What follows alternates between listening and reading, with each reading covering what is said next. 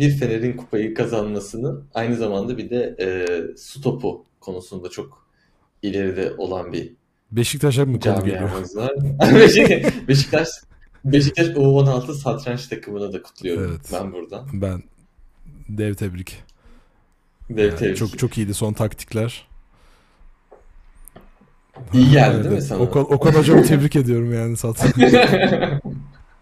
Bilmiyorum kim başında ama Evet. ben yine de Okan Bey'i tebrik etmek istedim yani. Bu ülkeye satrancı öğrettik.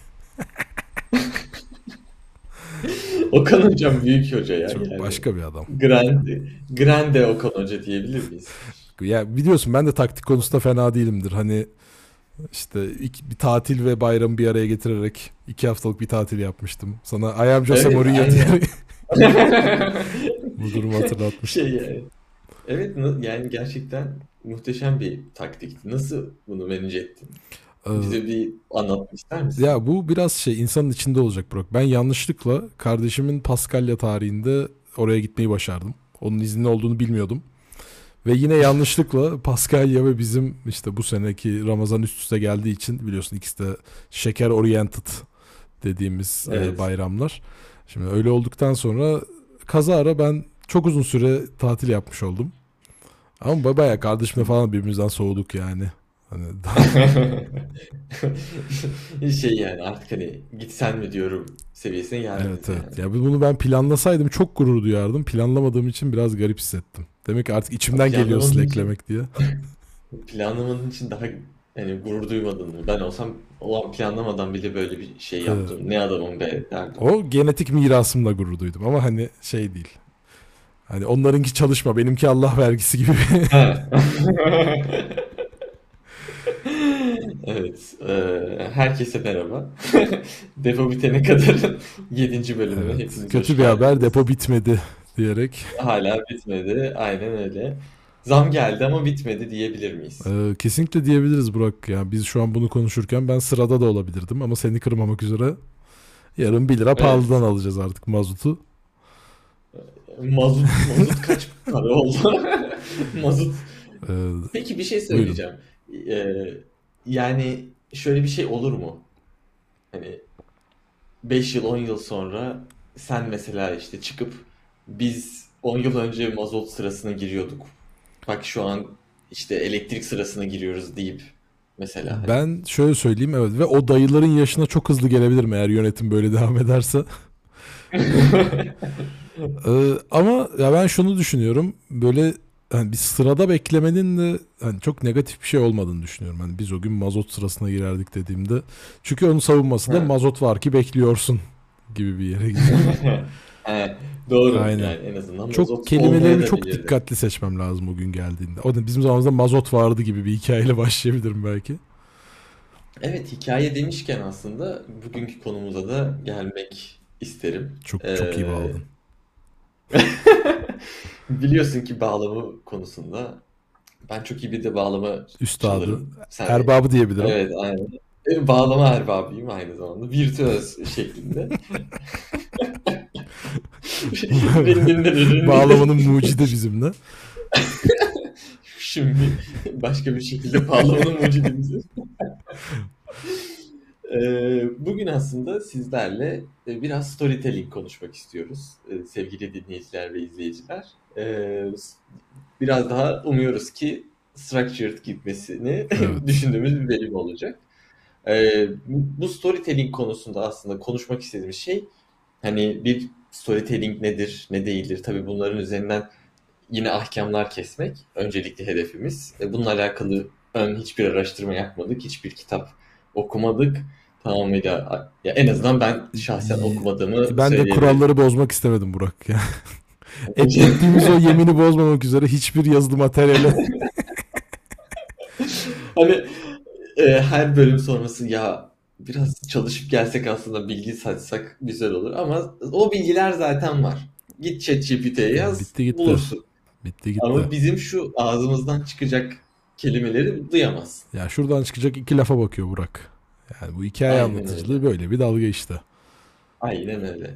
Ee, aynı şekilde bir bir storytelling nedir konuşmak istiyoruz. Bir de aslında ürün dünyasında storytelling'in e, birazcık önemini konuşmak istiyoruz. Tabii bu konuyu daha devamında getirebiliriz. Çünkü aynı şekilde girişimcilik vesaire gibi konularda da hani storytelling çok kapsamlı bir konu. Benim de aslında kendimi geliştirmek istediğim bir konu. Hı hı. Storytelling olduğu zaman aslında yani özellikle yeni dünyada storytelling çok önemli. Ama hani burada birazcık e, topu sana şöyle atacağım. E, sen bir komedi erbabı olarak e, storytelling aslında komedide de ya da sahne sanatlarında da çok önemli. Hı hı.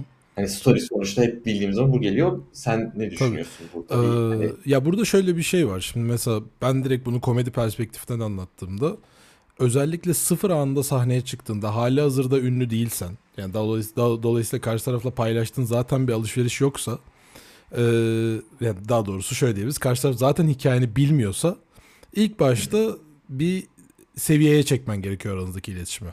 Yani ortak bir paydanız olmalı ve bunun üstüne devam etmen gerekiyor. Çünkü her hikayenin bir başı oluyor aslında ve senin sahnede anlattığın şey bir şaka bütünü de olsa örneğin mesela ben daha çok hani one liner dediğimiz daha çok tekli şakalar yapsam dahi kendime dair birkaç bilgi verdiğimde biraz karşı tarafa kendime aktardığımda bir zemin oluşturuyorum. Burada da aslında hani storytelling mantığında gittiğimizde bir kontekst oluşuyor. Ve bu altyapıda oluşturduğum zemin üstüne ben aslında bundan sonra ne eklersem mantıklı geliyor. Çünkü karşı taraf bunu değerlendirirken şey yapıyor. Ha, bu adam bu noktadaydı hmm. ve şu anda bunun başına bir şeyler geliyor diye. Ve özellikle benim şahsi gözlemim eğer ki seninle empati kurmaya başlarsa ki ya da başladığı anda o zaman aslında zaten seyirciyi yakalamış oluyorsun. Hani bundan sonrası bu arada meziyet kısmı yani ben bu işin aslında stand-up kısmı değil. Ama hani bunu yakaladıktan sonra kesinlikle frekansını tutma ihtimali daha çok artıyor. Ve hmm. eğer ki e, karşılıklı olarak güldüğünüz şeyler uyum yani daha doğrusu onların güldüğü şeyler senin anlattığın şeylerle uyumluysa hani show çok daha hızlı ve düzgün bir şekilde ilerliyor oluyor. Ama e, yine aslında hayatın pek çok noktasında olduğu gibi burada da hikayeyi aksak anlatırsan ya da bir alt zemin vermeden direkt olarak şakayı anlatmaya çalışırsan orada patlıyor. Burada şöyle bir örnek verilebilir. Mesela fıkralar bizdeki fıkraların hiçbiri böyle şey değildir ya alt zeminsiz değildir. En basitinden çok kısa temel fıkrasında dahi sen temeli önceden bilip bir noktadan ilerliyorsun. Ya da bir arkadaşı vesaire e, bir uçaktayızdır. Aynen öyle.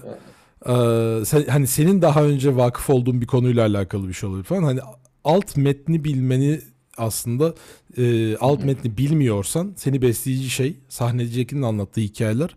Biliyorsan da önceden zaten o kişiyle ilgili duyduğun hikayeler oluyor. Dolayısıyla bence kişinin e, dinlediği, tükettiği vesaire içerikle alakalı empati kurmasında ya direkt hani olmazsa olmaz bir köprü olduğunu düşünüyorum hikayelerin.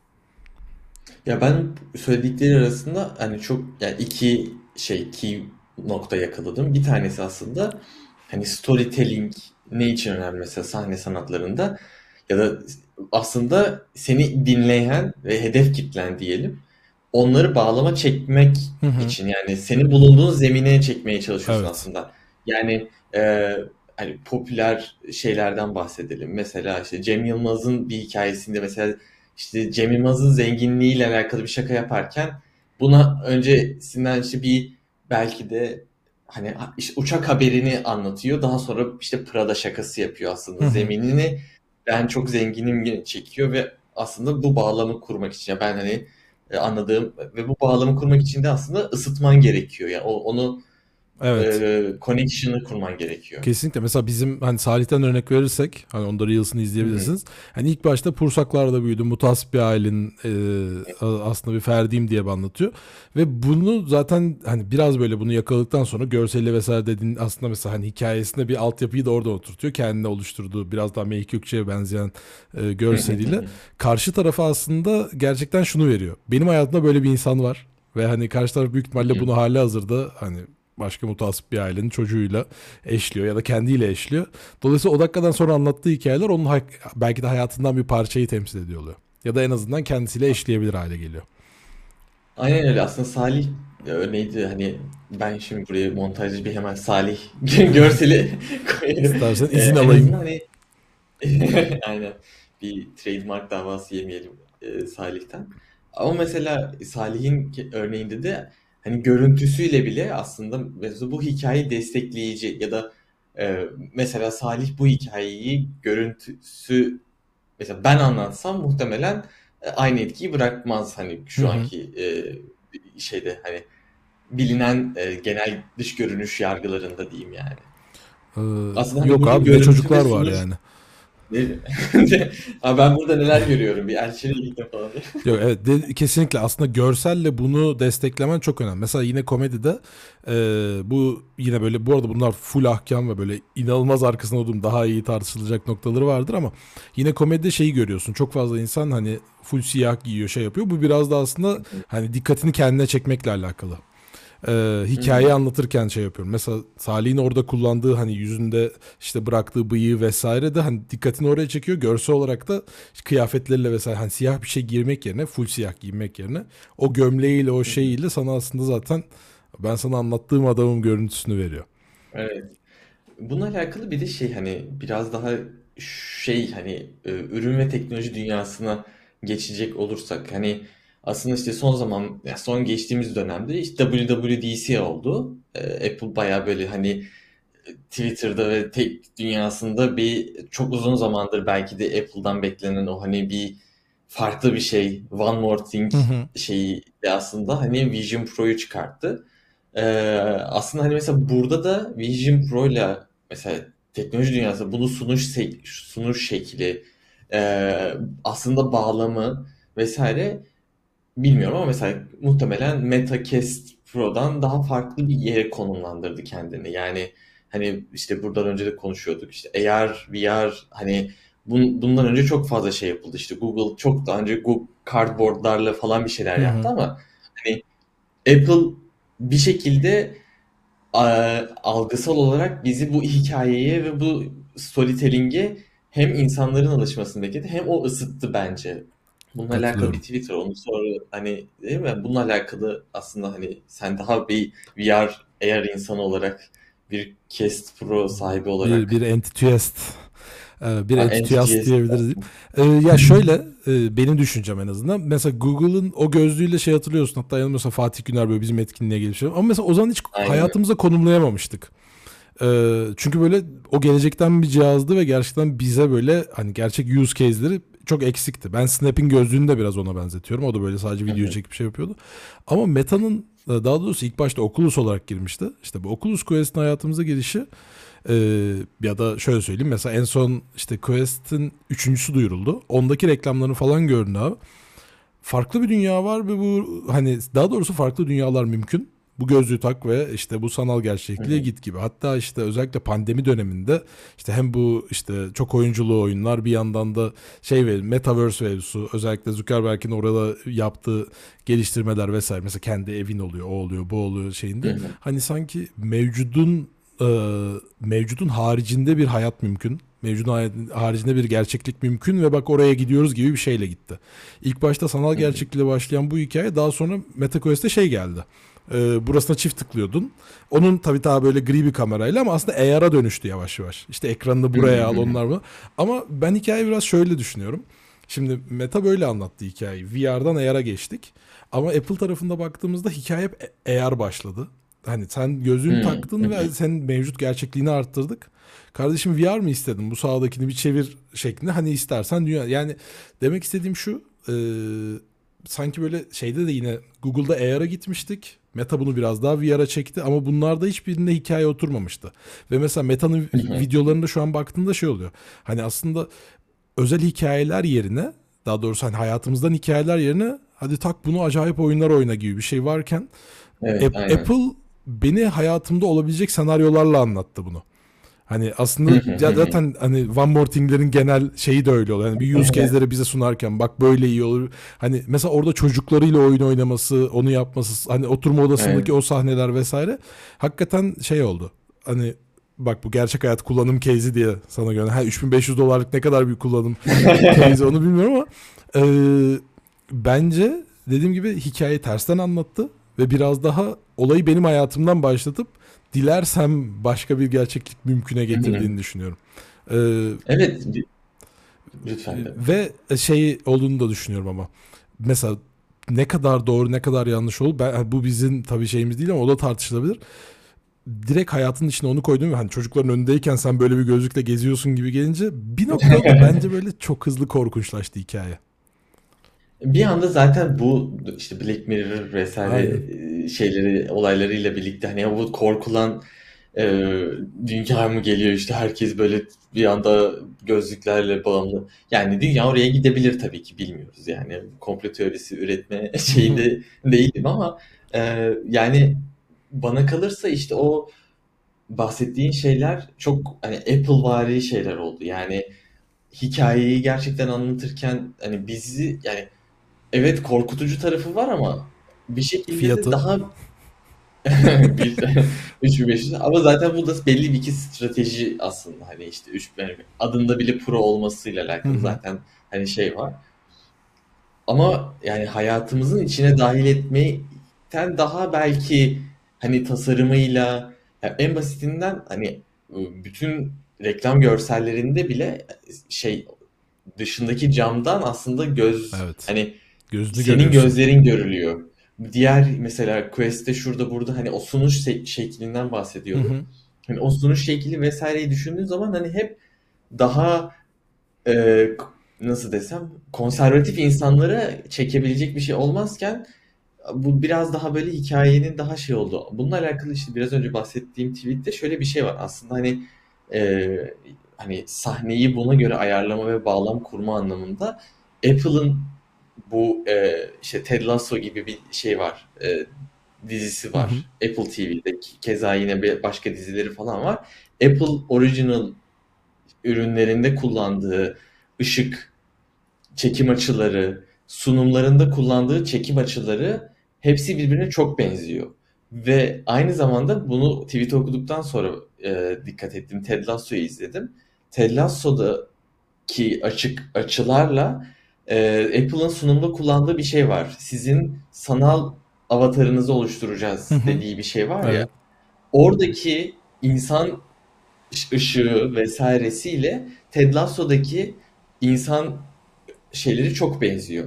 Ee, figürleri çok birbirine benziyor. Yani ışık mesela yukarıdan ve tepeden geliyor. Ee, biraz daha buralar hani şey ve arkası blur. Hı hı. Hani aslında Apple bizi böyle hani şeyin farkında. Hadi bir VR gözlük çıkarttık, AR gözlük çıkarttık. Bunu takın oyun oynayın. Dan ziyade aslında gerçeklik algımızı değiştirerek izlediğimiz filmde, kullandığımız telefonda, çektiğimiz fotoğrafta dahi belki bu e, gerçeklik algımızı sahnesini ayarlayarak aslında Vision Pro'yu bize satıyor gibi bir hani hem daha komplo teorisi hem de aslında gerçekten tam bir Apple'vari bir hikaye anlatımı gibi e, ya da Apple'vari bir strateji gibi geldi bana Evet mesela. çok enteresan. Yani Netflix'te de mesela bir kamera limiti falan var ya hep aynı kameralar ya da benzer şeyler oluyor. Ee, belki de e, bence biraz işin komploya kaçan kısmı olabilir.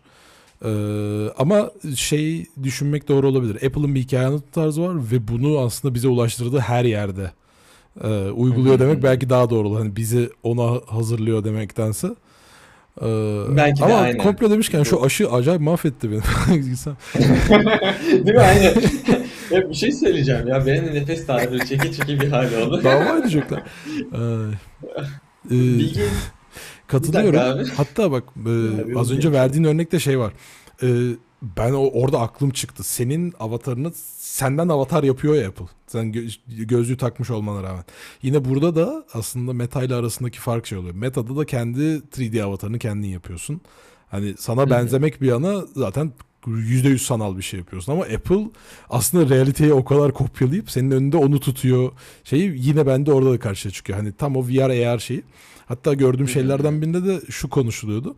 Ee, şöyle bir tweet vardı. Hani bu sunum boyunca VR ya da AR lafı geçmedi diye. Hani mesela o da bana çok kritik geliyor. Şeyde hani Enteresan mesela. Evet. bu hani ayrı bir katman katmak istemiyor aslında. Ya da ya da su istemiyor değil mi? Ayrı bir katman katmadı mesela bir cümle olarak.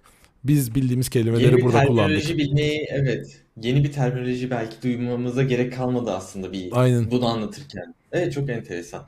Hani buradan da aslında şeye sıçramak istiyorum. Yani şimdi e, biraz ürün dünyasına bunu yani getirirsek e, ürün erbaplığı konusundaki ahkamlarımıza da çevirmek için işte developer dünyasında işte ürün geliştiriciliği, product management, işte product designer vesaire Bildiğin tüm cümle. Hani dediğin tüm ta- şeyler, mesleki şeyleri sayıyorum şu an. Ee, hani bu, bu dünyada da mesela işte bir hikaye anlatırken aslında mesela anlattığımız kişi işte developer'a bir handover yapıyorsak Hı ya da bir işte şeyle konuşuyorsak, müşteriyle konuşuyorsak e, işte terminoloji çok önemli. Mesela onun anladığı terminolojiden konuşmamız çok kritik.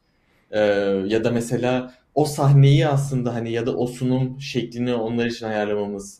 En başta konuştuğumuz işte belki de o sunum ya da o hedef kitleye uygun giyinmek dahi olabilir. Doğru. Bunların her biri aslında birer storytelling oluyor. O yüzden hani mesela şeyi e, burada konuşmak e, şey iyi olabilir. Hani mesela handover süreçlerindeki storytelling sence hani ne düşünürsün? Ee, doğru. Ya orada şöyle olduğunu düşünüyorum aslında. Handover sürecinde e, benim genel olarak gördüğüm e, bunu neden daha önce geliştirmiştik ya bu burada bu buton neden vardan başlıyor aslında. Ee, aslında bizim süreç içerisinde aldığımız bütün kararların bir altyapısı olması gerekiyor. Bunu hı. ya tabii ilk başta bir default belki baseline ama onun üstüne bir şey yaparken işte kullanıcı hikayelerinden yola çıkıyor, ihtiyaçlardan yola çıkıyor. Bir sebepten dolayı onu oraya koyuyoruz. Ve e, handover süreçleri bu hikayelerin aslında tersten anlatımı gibi oluyor. Hani bu neden buradayı e, önceki hikayeden e, göndermeler yaparak yapıyorsun. Ve dediğin gibi aslında e, biz bir şey yaparken de işte yeni bir feature geliştirirken yani bu feature brief'i developer'a handover ederken de a, aslında senaryoyu yaşatmak İki taraf için de çok daha faydalı oluyor. Çünkü hem şunu görüyorsun karşı tarafın bunu nasıl ilk gören o aslında senin müşterinden önce ilk sunumu yaptığın kişi o oluyor. Bu hikayeyi o yaşarken hani ilgili senaryoları o yaşıyor. Bir yandan da e, şunun olduğunu düşünüyorum. Bir şeyi geliştirmeden önce toplu bir ikna süreci olduğunu düşünüyorum. Ve bunun için bu Hı hı. sen eğer orada bir hikaye oluşturamıyorsan senin aslında ya bunun, bunun altında bir hikaye yoksa bunun beslediği bir yapı yoksa bir ihtiyaç yoksa bunu geliştirmenin bir sebebi de yok. Dolayısıyla aslında senin bu hikayeyi anlatman bence iki taraf için de şeyi de veriyor. Ben bunu bu yüzden geliştiriyorum ve bu hikayenin bu puzzle'ın bu, bu kısmını tamamlıyor olacak gibi bir yere getiriyor. Dolayısıyla bir developer handover'ında da e, kullanıcının bu hikaye başlamadan önceki ruh hali aslında şey state'i hani bundan önce neredeydi ve şimdi neler yaşayabilir senaryoları bunlar ve her senaryo ne diye verdiğinde biraz şeye oturtuyor. Ee, soru işaretlerini giderterek sana empati yine aynı şekilde empati kurdatıyor. Ha ben burada Aynen. kaybolmayayım. Ha buna bastığımda ben burada bu raporu görmüyordum ama buna bastığımda artık görebiliyorum gibi eksiklerini tamamlıyor bence hikayede. Ya aslında evet şeyi açısından iyi söyledin. Hani empati kurmak ben zaten birazcık hani ekip verimliliği kapsamında düşündüğüm zaman hani bütün her şeyi e, ikna tabii ki herkes her şeye ikna olmak zorunda değil ama bu kullanıcı hikayesini anlı, anlı, anlaşılarak yapılan ve bir şekilde bir baseline'da e, handshake yapılmış bir hikayede e, geliştiren Hı ürünlerin çok daha hani ekip verimliliği açısından çok daha başarılı olduğunu düşünüyorum. Yani e, tabii ki herkes her stratejide, her fik- fikirde ikna olmak zorunda değil. E, bu buna işte hani tasarımcılar, product manager'lar da dahil. Ancak hikayenin sonundaki ışık ya da o hikayeyi anlatırken ki e, ya burada mesela sonuç olarak sadece hani ürün insanları değil, örnek veriyorum. Bir CEO'nun şirketi anlattığı hikaye de çok kritik. Hı hı. Yani be- ben bu şirketin hikayesini böyle görüyorum. Ee, teknoloji dünya hani bu şirket buradan buraya gelecek, buradan böyle olacak ve bizim hikayemiz böyle yazılacak. Bizi aslında CEO'nun görevi çalışanlarına bu storytelling yapmak. Evet. Ee, bana kalırsa da hani işte bizim gibi e, ürün insanlarının birazcık görevi de e, işte mesela be- benim şu anki görevim aslında yaptığım tasarımın hikayesini anlatıyor olmak. Yani e, burada işte örnek veriyorum neden mavi değil işte neden kırmızıdan ziyade birazcık daha bu düzenin bu kullanışlılığın hikayesini anlatıyor olmak ve bu bunun e, daha doğrusu büyük hikayedeki yerini yerini Hı doldurabilmem. hı. Hani o yüzden ben genel hikayeyi bilmediğim zaman ya da bu hikaye bana doğru anlatılmadığı zaman okey sadece bunu yapıyoruz. Benim hissettiğim bir insan olarak bu hikayeye olan e, katkımız çok çok daha limitleniyor diyeyim. Yani e, örnek veriyorum. İşte mesela Apple'ın yaptığı hikaye ve sunum anlatışıyla bizim Apple şu an konuşuyor olmamızla Evet. hani versus bir şekilde benzer yani biz insan olarak hikayeleri ya da mesela e, iyi komedyenleri duyduğumuz zaman, nitelendirdiğimiz zaman işte bir şekilde o hikayeye daha çok empati kuruyoruz. O yüzden empati yine burada da devreye giriyor. Do- doğru söylüyorsun. Ee, dediğin gibi hem işte bunun şey tarafı var. Ee, hani kendinin nasıl hissettiğin tarafı da orada çok güçlü bir yere geliyor. Çünkü bir noktada sana bir task verilmesi var ya da aslında senin dediğin gibi CEO'dan aldığın vizyonla şu anda ürüne eklediğiniz şeyi biliyor olman, sana onun aktarılması ve aslında senin hani bu yolda nerede olduğunu biliyor olmana bağlanıyor. Dolayısıyla zaten bir hikaye var. Ben bu hikayenin dallarından bir tanesini sana aktarıyorum product manager olarak. Ve sen aslında developer olarak ya da tasarımcı olarak bu görevi aldığında dediğin gibi sen de o hikaye oluştuğu için ben aslında duvara bir tuğla daha koymuyorum. Ben duvarın nereye gideceğini biliyorum. Ve nasıl bir tuğla gerektiğini anladığım için onu oraya koyuyorum'a gidiyor hikaye. Aynen öyle.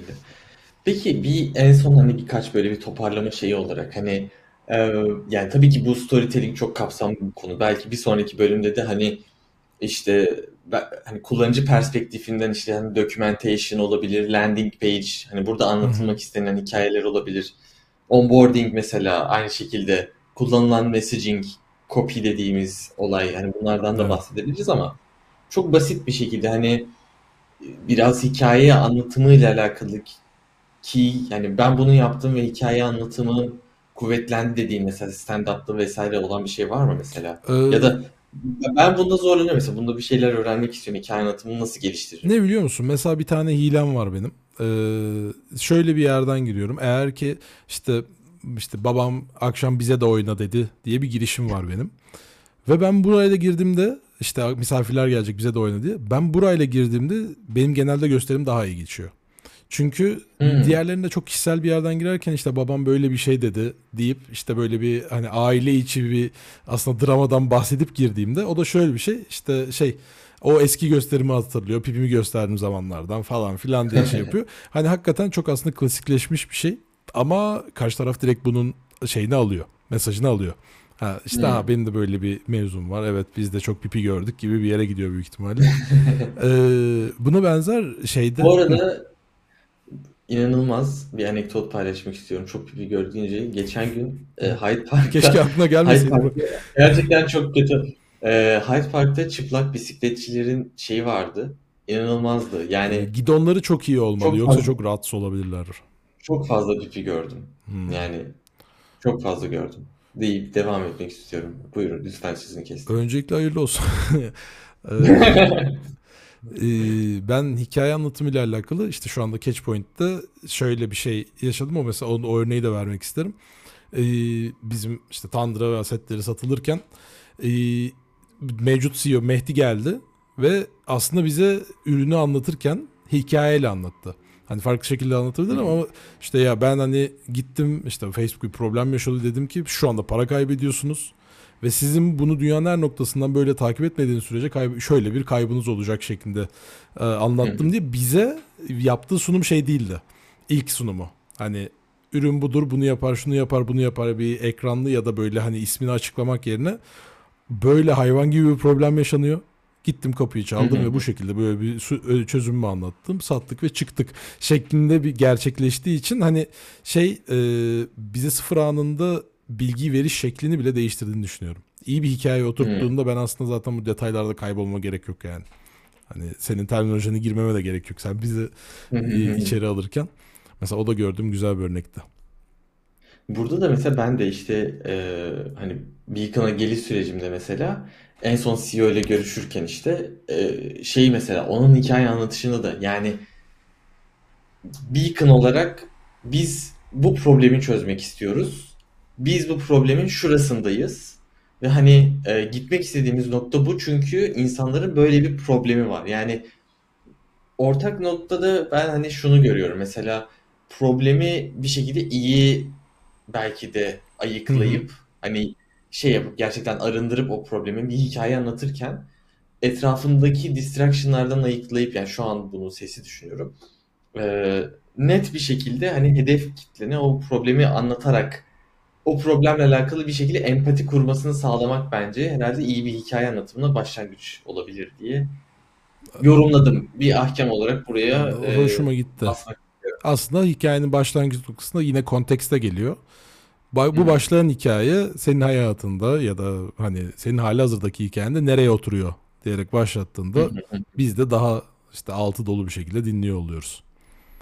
Aynen öyle. O zaman e, bu bölümün mottosu kontekst. No context depo bitene kadar. Aynen öyle ve amadan önce dediğiniz hiçbir şey sonra dedikleriniz kadar hoş olmayacaktır.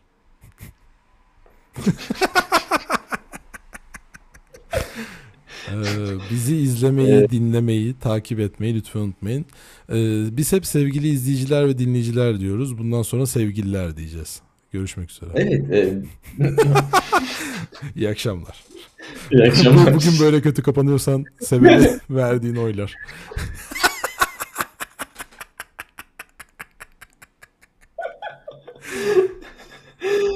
İyi akşamlar. İyi akşam, iyi akşamlar.